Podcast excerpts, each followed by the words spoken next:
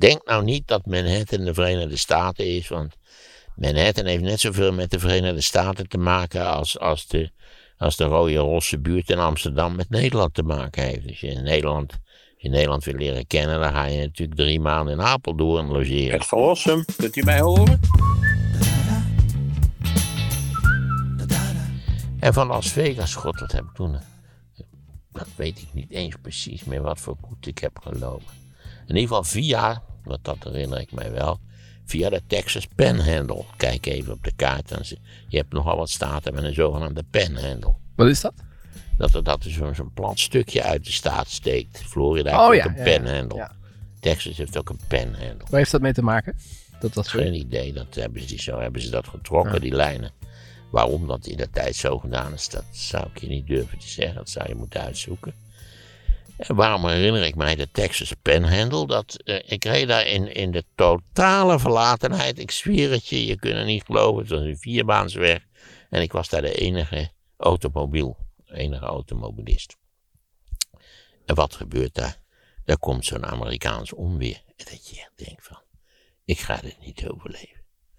Ik ben Capelle nog niet doorgereden, want het, dat was hopeloos. Ik heb de auto daar neergezet.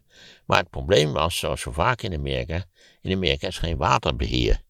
Dus er valt een hoeveelheid water waar je u tegen zegt. Er stond zo'n beetje een meter water. En je begrijpt, eh, die, Pinto die deed niet meer.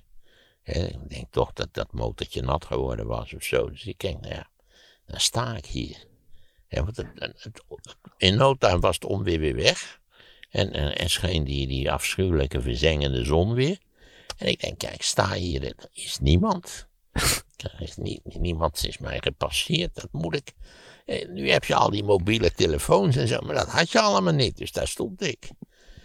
En, en hij deed niet meer, dus je probeert nog eens even. Maar ja, hij deed niet meer, die auto. En dus ja, ik heb daar, ik weet niet, ik geloof dat ik een half uur gezeten of zo, misschien 40 minuten. Denk, ja, wie weet, laat ik nog maar een keer proberen. Ik draai het startmotortje, ik draai het startslot om en hij deed weer. Dus zodoende ben ik. Toen ben ik gereden door Oklahoma, een staat die ik niemand kan aanbevelen. Er is echt helemaal niets te doen. En, en Oklahoma City, daar was ook niks. En toen zo schuin naar boven weer naar Milwaukee, dat was mijn reis in de Verenigde Staten. Ik kan iedereen eigenlijk. Kijk nou eens, dit, dit wonderlijke jeugdige echtpaar met die reuze zonnebrillen op. hè. Ja, ja, alle twee een beetje Ja. dezelfde brillen, ja. Alsof het filmsterren zijn.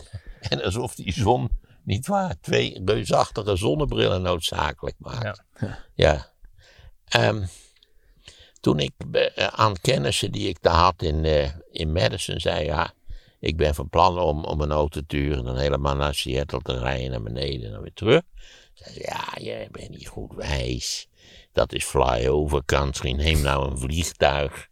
Eh, vlieg nou van Milwaukee naar Seattle, dat je niet dat hele gezeik onderweg krijgt van, van Minnesota, Montana, de Dakota's enzovoort. Maar ik zou juist iedereen aanbevelen, doe dat. Omdat je, je krijgt begrip voor de immense ruimte. Het is een continentale staat en dat, dat is voor een Nederlander heel lastig te bevatten. Dat een land continentaal groot is. Ik geloof als je Amerika projecteert op Europa, dan, dan ligt eh, Maine, hè, Bangor, Maine ligt dus een beetje ten grootte van de Ja. Oeral. En San Francisco ligt ten grootte van de Ierse kust. Dus dat geeft je een beetje een indruk van wat het is. En wat deed je onderweg dan? Want je was echt heel. Je, bent, je hebt eh, natuurlijk de meeste tijd in de auto gezeten. Ja, ik luisterde naar de radio. Dat is een van de interessantste dingen om daar naar de radio te luisteren. Omdat je, eh, je hebt daar lokale radiostations. En, en dus zolang je in de flyover country bent, is het allemaal country en western. Echt allemaal. Volledig eentonig. Nou je kent dat geluid wel. Zo'n man met zo'n gitaar. Eh, tot, je, tot je stomme verwondering. Ik denk dat dat in Seattle begon. Klassieke muziek. Dus dat betekent dat er een totaal ander luisterpubliek is. Want ja, die, al die lokale stations zijn natuurlijk gericht op de lokale luisteraars. Dat wordt, wordt allemaal keurig uitgezocht. Ook in, ook in Californië was veel, eh, was veel klassieke muziek op de radio. Weet je, in Nederland Radio 4. Ja, ik luister hier altijd naar Radio 4. Eh, ook wel veel gelul trouwens. Eh, allemaal dingen dat je denkt, joh, kom op. Dit hebben ze nou een klassieke muziekzender, hou dan op met zwetsen. Draai klassieke muziek, dat, daar is het voor. Eh, dus dat, daar had je allerlei amusante eh, zaken van. Eh, het ging natuurlijk, dat was natuurlijk nieuwsuitzendingen.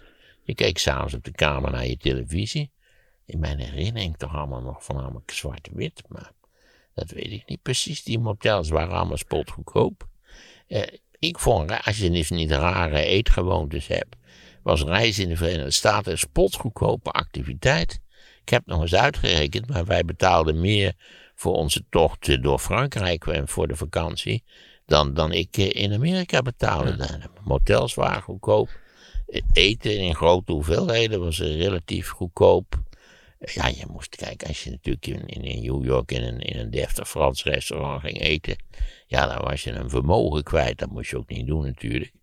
Ja, je moet sowieso, nou, um, dus het, het, was zo zelfs dat ik na deze immense reis, niet waar, nog 900 dollar over had van die, van dat, van die geweldige beurs die ik had gekregen. Dan heb je hem weer. Het is pure afluisterij volgens mij. DHL-busjes. Ja, elke zaterdag toch? Ja, Hetzelfde tijdstip. Ik denk iedere dag wel. Hij rijdt altijd veel te hard. Ja. DHL-busje. Um, waar had ik het nu over? Dat, heel, dat je 900 dollar nog over had. Ja, dat is op zichzelf nog wel weer een aardig verhaal. Dan denk je, wat moet ik nou met die 900 dollar? Wat dus toen 903 gulden 60 was. Dus dat was nog een vrij fors bedrag. Zeker in dit, dit, is ook nog deels mijn arme tijd. Dus ik vond het vrij. Maar ja, ik, dacht, ik kan het in mijn zak steken, toch? Een beetje. Uh, ik vond ik dat niet maken kon. Dus toen ik in Nederland was, uh, heb ik het weer overgemaakt naar de beursverlenende instantie. Waarop ik een enorme brief kreeg van de directrice van de, de beursverlenende instantie. Dat dit de eerste keer was sinds de late jaren 40, sinds die beurzen werden uitgedeeld, dat iemand geld teruggestort had. Dus toen was ik wel een beetje trots op het feit dat ik in plaats van het in mijn eigen zak te steken, de leiding was natuurlijk wel aanwezig, dat ik het toch weer terug overgemaakt had. En hoe oud was je toen in deze periode? Ja, dit is 74, maar nog voor mijn verjaardag, want ik was eind september thuis, denk ik. Dus dan was ik uh, dus niet uh, eh, 31. Ik was 30. Ja.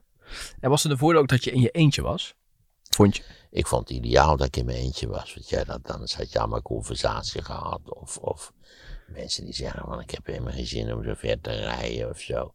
Ik vond het rijden ook prettig. Ik was, dit was nog in de leeftijd dat je kon mij ook hier wakker maken. Als je zei van ik moet vanavond naar Bern, dan eh, was ik ingestapt en naar Bern gereden, zeker. Ik vond, ik vond autorijden fijn. Daar ben ik al lang overheen over deze afwijking. Maar toen vond ik het fijn. En ja, het landschap. Ik, ik heb erg genoten van het landschap. Amerika is natuurlijk landschappelijk een schitterend land. Dat is absoluut een feit. De woestijn is prachtig om doorheen te rijden. In allerlei opzichten. Ik herinner me, dat is overigens recenter, een, rit van Las Vegas naar, uh, hoe heet het, Salt Lake City. Nou, dat was een, fantastische negen uur rijden of zo. Maar een fantastische rit werkelijk. Vooral als dan die zon lager komt te staan en zo. Echt ongelooflijk. Um, dus nee, ik, ik zat helemaal niet met het probleem van, oh, oh, wat ben ik eenzaam of zo. Nee, totaal niet. Dat heb ik helemaal geen last van gehad. En heb je ook, want je zei van tevoren, ik wilde Amerika leren kennen, dus het, e-, het echte Amerika wat je ook eh, in de binnenlanden, wat je nooit ziet. Ja. Is dat ook gelukt, ook met de, de type mens wat daar woont? Ja, uh, men was zeer praatlustig in het algemeen. Uh, zodra ze op een of andere manier konden ze dat waarschijnlijk horen aan het accent wat ik heb eh, hoorde dat ik uit het buitenland kwam, begonnen ze over Richard Nixon, want dat, dat liep toen. Hè, dat de impeachment, die verhoren en impeachmentproces, dat liep toen. En wat ik daar nou van vond en of je dat in Nederland nou ook had, dat soort van dingen. En dat ze er nogal mee zaten. En vooral omdat vrij veel van die lui zeiden, ja, we hebben op hem gestemd. En, en nu blijkt het dus eigenlijk een gevaarlijke oplichter te zijn. Ja, dat vond ik die, eh, ook in die, in die motels. Ik vertelde al van die oude man volgens wie je dus helemaal niet kon opbellen naar Europa. ja, voor mij was Europa ook net zoiets. Zo'n kolonie op Mars of zoiets dergelijks. Ja, in die, in die binnenlanden in Amerika, als je daar natuurlijk. Je hebt heel veel Amerikanen, daar is onderzoek naar gedaan, die dus wel, die wonen in een bepaalde staat. Vaak hebben ze nog twee of drie aanpalende staten wel eens bezocht, toevallig. En verder zijn ze uh, nooit geweest in, in Washington of in New York of in San Francisco of weet ik veel wat. dat zijn, zijn, het zijn dorpsbewoners. Het is een beetje het verhaal over die Parijzenaars. Die in zo'n Parijse buurt wonen. En die nooit in de buurt van Eiffeltoren geweest zijn. En die, laten we zeggen, niet, niet toeristisch uh, actief rondgereisd hebben. Dus ja, zeker. In mijn, de, de, de, de indruk. Je denkt, al hadden ze allemaal met zo'n zo'n uh, zo'n machine weer rondlopen. Maar dat is helemaal niet zo. In het algemeen waren die Amerikanen zeker die onderweg ontmoeten. Zeker in de, in de, in de Great American Heartland. Enorme aardige, hartelijke, hulpvaardige mensen. Anders kan ik het niet zeggen. Ja. En zou je mensen adviseren nu ook om dat nog steeds te doen? Ja, dat zou ik doen. Ik zou ook zeggen, kom aan. Denk nou niet dat Manhattan de Verenigde Staten is. Want Manhattan heeft net zoveel met de Verenigde Staten te maken als, als, de, als de rode rosse buurt in Amsterdam met Nederland te maken heeft. Dus je in Nederland, als je Nederland wil leren kennen, dan ga je natuurlijk drie maanden in Apeldoorn logeren. En dan ga je niet in Amsterdam zitten. Amsterdam en die, die hoofdsteden, die, die staan natuurlijk vaak een beetje los van de, van de reguliere dagelijkse cultuur en routine van de rest van de bevolking. Dus ik zou zeggen, huur een auto in Manhattan. Nou, misschien niet in Manhattan, want dan is het natuurlijk altijd weer hartstikke duur. Maar misschien ergens een beetje, beetje upstate. En ga gewoon rijden. Wat ook upstate New York, dat is heel. Dat heb ik toen niet gedaan, maar later wel. Uh, ja, uh, dat, dat is een prachtig landschap ook. Betrekkelijk leeg hoor. En je hebt natuurlijk Manhattan, en dan heb je nog een heleboel suburbia en zo. Maar op een goed moment houdt dat allemaal op. En begint het ware Amerika. Dus je rijdt zo'n benzinestation binnen. staan allemaal van die verroeste pick-ups. Van die Ford 150's. En met zo'n schrale, dunne man zonder voorgebit. En zo'n magnifiek dikke vrouw. En met twee van die geweren achter het. Met zo'n klem, met zo'n klemmetje achter de ruit. Dat, dat is wat je daar hebt. Betrekkelijk aanmoedig upstate New York, eh, ook plattelanden zijn een beetje een armoeige boel. Maar het is ook weer een mooi landschap. Dus de weg, geloof dat dat in de state 88 is. Die loopt helemaal langs de weg, langs de noordkant, de noordgrens van Pennsylvania. Dat is echt een prachtige weg die ik iedereen warm kan aanbevelen. En dan heb je natuurlijk heel vaak in Amerika dat alle topografische namen zijn Indiaanse namen. Hè? Ja, de Mississippi, dat, dat is een raar, dat vinden wij nu normaal, maar dat is natuurlijk een Italiaanse, of Italiaanse, is een Indiaanse term. Dus Susquehanna, dat is een Italiaan, dan zeg ik het weer, een Indiaanse term. En zo kun je wel even doorgaan, maar ook beken en van alles. En dan denk je, wat een tragiek. dat deze lui hebben dit land zijn namen gegeven en ja, ze zijn er niet meer. Ja. De enige restant zijn die zijn die geografische namen die er zijn. Ja. Niagara, Mississippi, allemaal dat je denkt van dat, dat klinkt merkwaardig. Dat zijn altijd Indiaanse namen. Ja. Kun je nagaan dat je nog zoveel details kunt herinneren, terwijl dit was toen je 30 was. Dus dat, wat van een indruk dat heeft Nou ja, ik heb een nog steeds redelijk functionerend geheugen. Ja, nee, maar goed, het is toch een hele tijd geleden. Dus zo'n reis is natuurlijk toch tekenend voor hoe je daarna naar het land kijkt. Ja, zeker. In allerlei opzichten bepaalde dat wel een beetje hoe ik tegen Amerika aankeek. Ja. Vooral omdat ik me daardoor, dat, dat vind ik nog steeds echt toch het belangrijkste, dat je een indruk krijgt van de immense afmetingen van het land waar je toch eigenlijk als Nederlander word je geboren met een maatsysteem in je hoofd. wat, ja, Nederland is, is natuurlijk een soort stadstaat. Het Westen, dat is, uh, dat is een stadstaat in allerlei opzichten. De Randstad is natuurlijk gewoon één stad. Ja, we hebben besloten dat dat 34 verschillende gemeentes zijn, maar dat is eigenlijk vrij idioot in allerlei opzichten. Wij zijn een stadstaat met een soort natuurpark in het oosten. Zo kun je het wel zeggen. Ja, dat land is zo immens groot. Idaho, ik bedoel. Al die dennenboompjes, joh. Urenlang dennenboompjes. Hè? Dat, is, dat is verschrikkelijk gewoon weg. Je ziet het vaak als je in het vliegtuig boven Nederland vliegt. Dan zie je hoe klein en hoe dicht het Wat het vanuit het vliegtuig een heel ordelijke indruk maakt. Ja. Hè? Ja. Ik ben altijd wel even geroerd als je dan, als de Jumbo gaat dalen en dan zie je de Nederlandse kust liggen voor alle bezoldige dag met dat geordende landschap eromheen. Dat vind ik altijd wel een mooi moment. Ja, maar dan zie je dus ook hoe klein de afstanden maar zijn. Ja, piepklein. Ja. Je rijdt in Amerika eindeloos, eindeloos door. Ja. Vooral omdat er natuurlijk enorme stukken zijn dat er niks is. Ik weet nog dat ik met mijn moeder daar reed. En dan stond er ook zo'n bord, dat was volgens mij op die Interstate 88. En dan staat, staan er van die borden, no service area ahead for 150 miles, zou ik maar zeggen. Al even op, 225 kilometer. En dat mijn moeder zegt, heb je dat gezien? Ik zeg, ja, dat heb ik wel gezien. En hebben we, hebben we voldoende voedsel en benzine aan boord? Ze was altijd bang dat we ergens in die, in die onafzienbare wouden tot stilstand zouden komen. Vaak is het natuurlijk, het zijn de eerste bomen, dus de echte, de woeste wilde bomen, de natuur, die zijn omgehaakt in de late 19e eeuw, begin 20e eeuw. Maar second growth, zoals dat heet, dat heeft een heel groot deel van Amerika weer herbebost, als het ware. Ja, dus er staat vaak, eh, je ziet ook voortdurend dode herten langs de weg liggen. Ja. Die doodgereden zijn door de automobilisten. Nog even een paar andere vragen. Tivoli Vredenburg wil weten of je wil staan of zitten tijdens de live Staan. podcast. Staan, oké. dus een microfoon eh, aan op een tafeltje. Nee, natuurlijk, gewoon een losse microfoon. Oké, maar we gaan deze microfoons die jij nu Oh, vast ja. hebt. Ze moeten maar Dat even kijken. Oké. Maar ze wilden een zitje gaan maken, maar dat willen je Nee, nee, nee, geen ik in slaap. Dus dat eh, kunnen we niet hebben. Oké, en ze gingen een schermpje op het podium zetten met een fotootje erop. Ja, ze hebben altijd een raar schermpje dat je als je omdraait zie je jezelf. Ja. Ja, nou, Want dat wanneer is het ook weer 22? 21, ja, op de maandag. Volgende week al? Nee, Eh, de week daarna. Ja, hè? dus nu maandag over een week. ja precies. Ja. Oké. Even kijken. Nou, dat was het eigenlijk wel. Ze zeiden, ja, kom wat eerder en dan kun je het nog eventjes testen. En dan, eh, maar de, de- Ja, dat zal ik doen, doe ik altijd. Maar dat, ja, je weet dat. Het is altijd maar heel sympathiek en goed bedoeld. Maar je moet dan een uur van tevoren. Net als met die talkshows op televisie. ja, Dat je een uur van tevoren. Dat is dan voor de visagie, die duurt bij mij twee minuten. ja. Hè? Ja, die geluid hebben ze wel in orde. Dus de, de feitelijkheid is dat je gewoon duimen zit te draaien. hey, Isha Meijer, heb je daar nog herinneringen aan? Jazeker. Eerst ga ik wel herinneren, ja. Oh, eh, zeg je Ischa?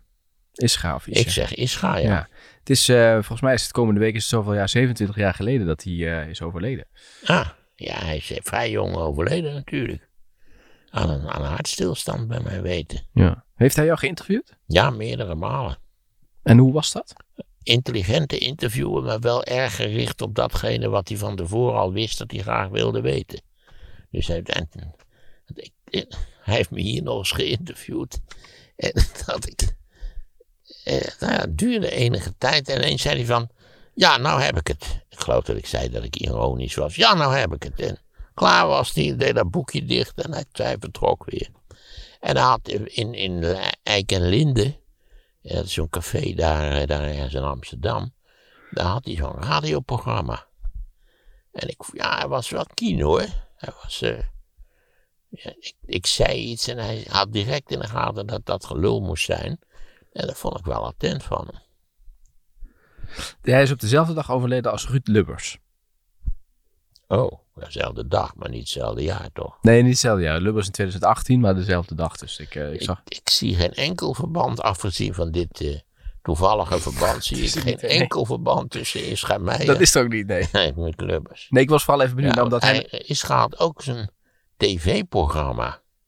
Wat daar ook ergens werd opgenomen, daar in Artis. Met, met, dan had hij zo'n palmboompje op een heel klein tafeltje staan. En hij wou ook zingen.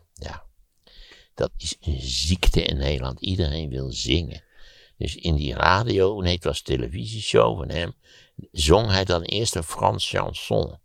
Waarbij je al meteen denkt, joh, doe dat nou niet. Hè. Maak liever. Hij was goed bij, in het interviewen van eh, mensen die schrijven of iets creatiefs deden. Ik vond de politiek niet zo verschrikkelijk goed. Hij wordt nog heel vaak geroemd hè, of aangehaald van een goede interviewer. Luister die Ja, natuurlijk het voordeel dat die jongen overleden is, dus dan verslijt je niet. hè. Dus Wat dat betreft, je kunt natuurlijk als je, als je een eeuwige belofte wil blijven, moet je jong overlijden. De club van 27, hè?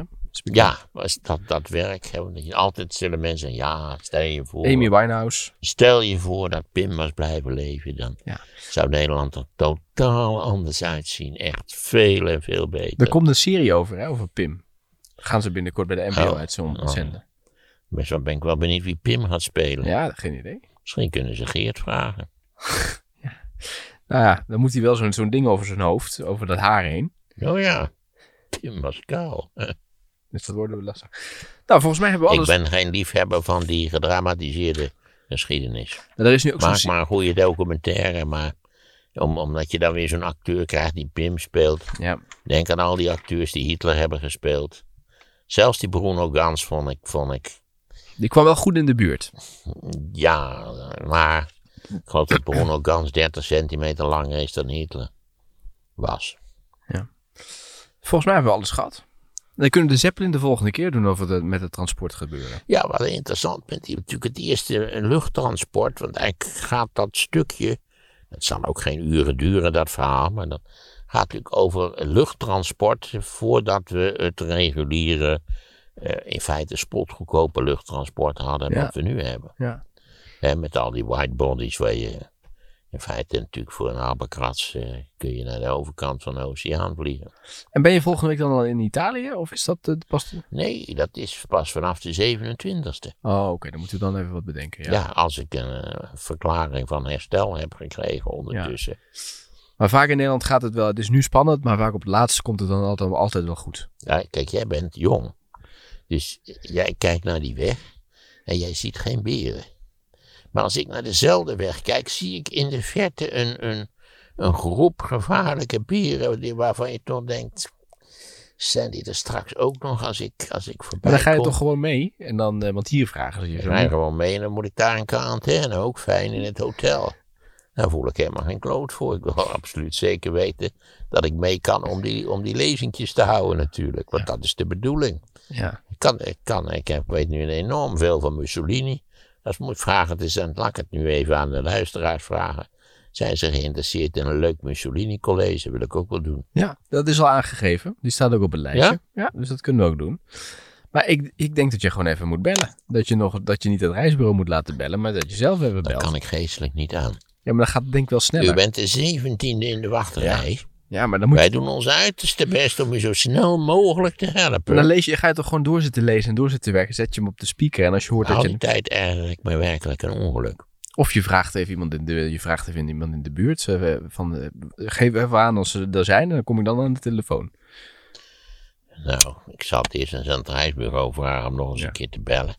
Zij hadden ook hetzelfde advies wat jij nu geeft. Wacht nog eens even af en zo. Maar ik vind die, die hele administratie dat dat niet beter Ja. georganiseerd kan worden.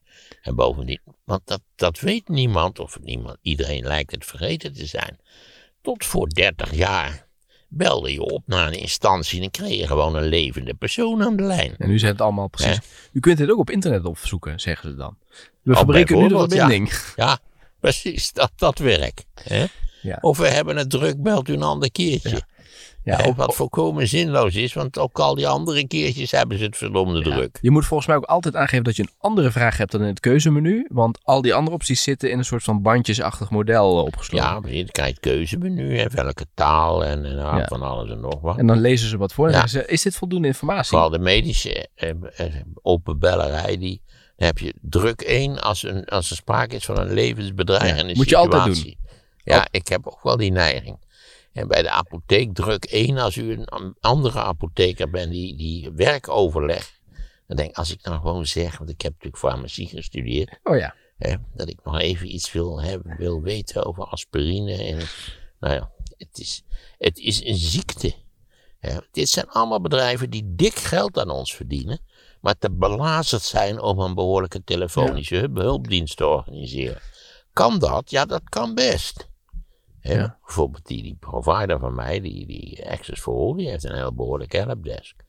Moet je ook wel eens even wachten, maar het is niet, het is niet belachelijk lang. Opgericht door hackers, hè? Ja. Hackerscollectief. En je weet wie het nu gekocht hebben. KPN, toch? Ja, Ja. want Dat de was- KPN is erachter gekomen dat die bij Access for All kunnen ze het wel. Maar de KPN, zoals je weet, dat is de ergste van allemaal. Dus nu hebben ze Access All gekocht om dat bedrijf te vernietigen.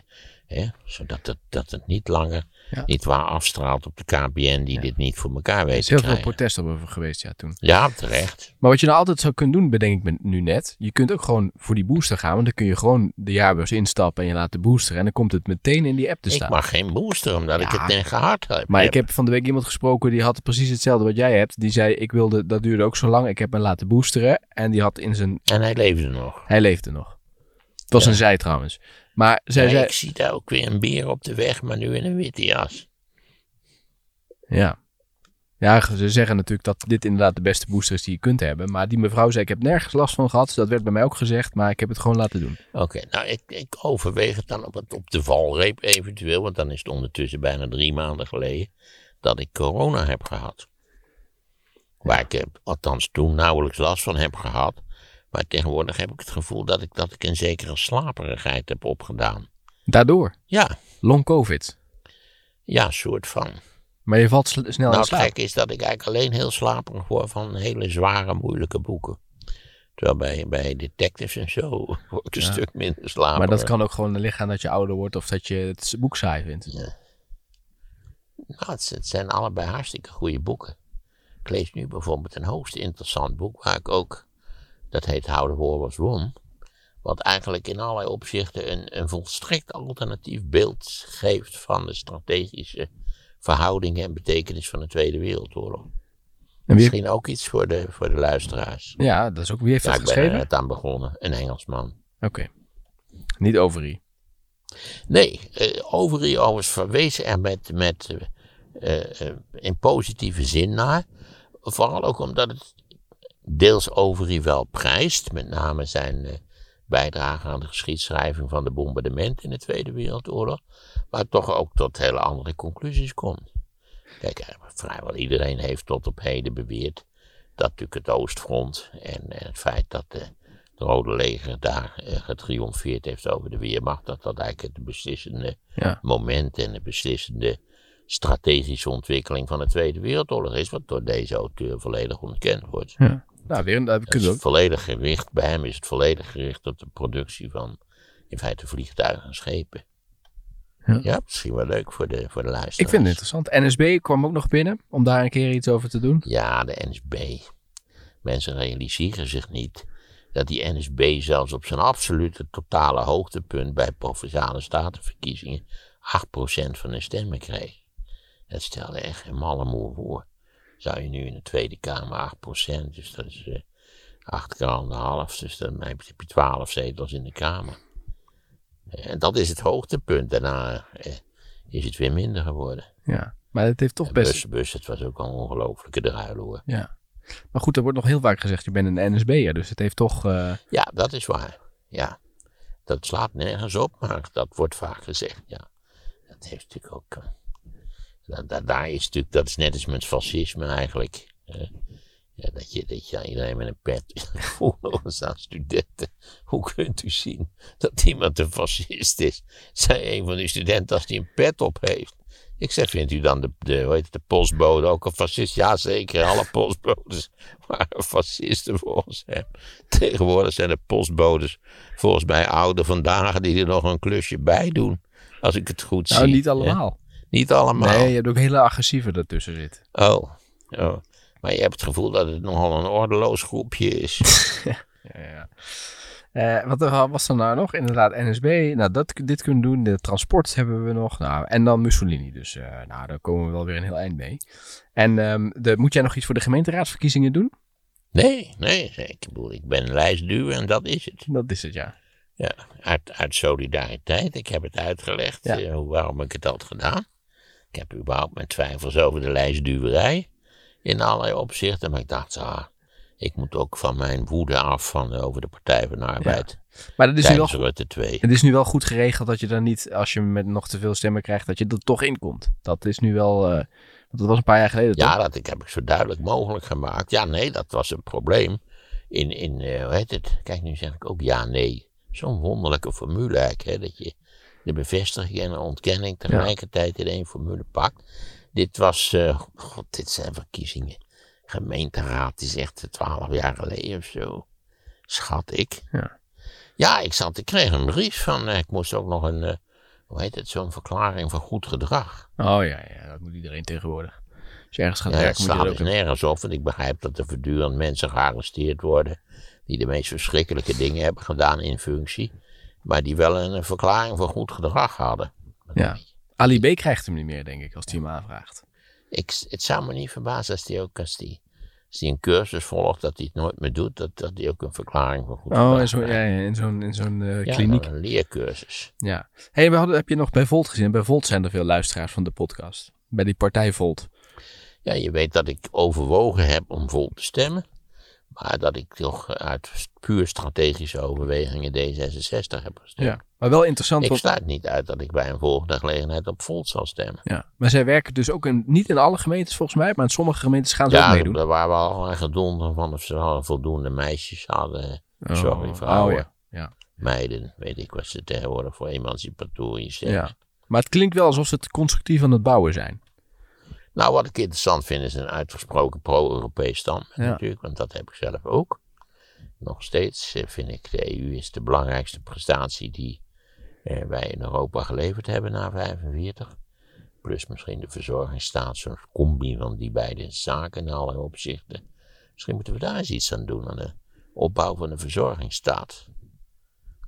Zou dat een heel melig thema zijn? Nee, ik zit te denken, hebben we, dat niet een keer, hebben we dat niet een keer gedaan al? Hebben wij een archief eigenlijk? Ja, je kunt gewoon terugkijken. Volgens mij verzorgingsstaat hebben we al een keer gedaan. En, eh, maar daar kunnen we nog eens een keer een, een upgrade van doen. Want dat verandert natuurlijk ook eh, weer steeds een beetje. verzorgingsstaat. Maar ja, dan moet je weet ik hoeveel van die dingen terugluisteren. Want ik, ik heb pas naar die nummering gekeken.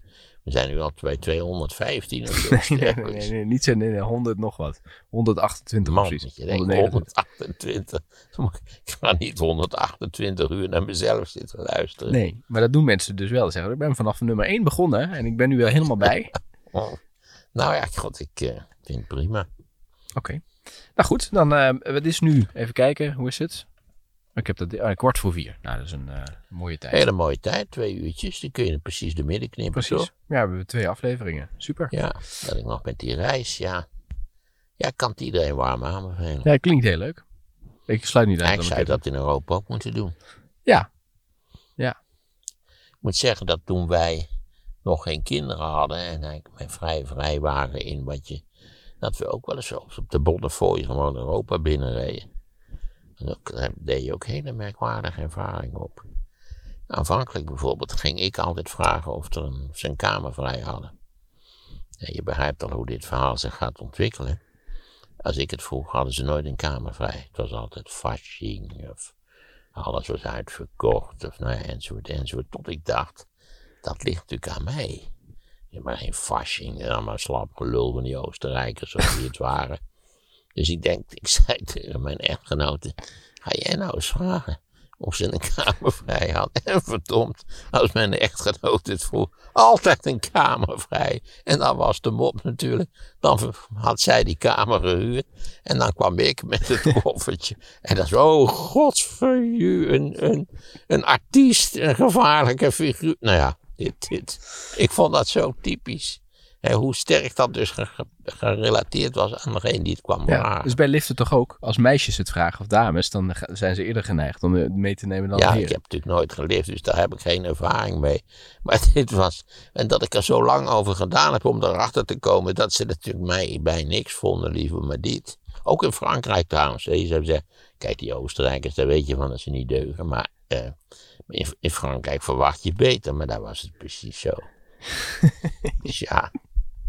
Dus altijd ging mijn echtgenote, had nooit enig probleem gehad. Ja, grappig. Eh, je ziet het bij, bij liften ook. En. Maar dat is een goede tip voor mensen. Hou het in de gaten. Ja, mocht u, mocht u dus naar zo'n hotel gaan en eh, u kunt natuurlijk ook, de man kan het best zelf doen, maar dan moet hij er op een bepaalde manier uitzien.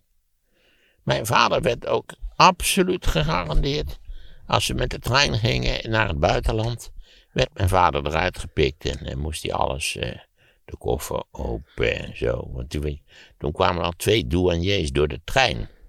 En meestal keken ze even die coupé en dan liepen ze weer verder, maar je zag ze niet waar? Oeh, mijn vader had wat lange haren, snor. Nou ja, je begrijpt dat, die moesten ze hebben. Als je op de Schiphol Nike schoenen aan hebt, word je er ook uitgehaald voor de drugscontrole. Ja, ik reisde nog eens met mijn vader, dan kun je aan zien wat een flauwe grap ik maakte.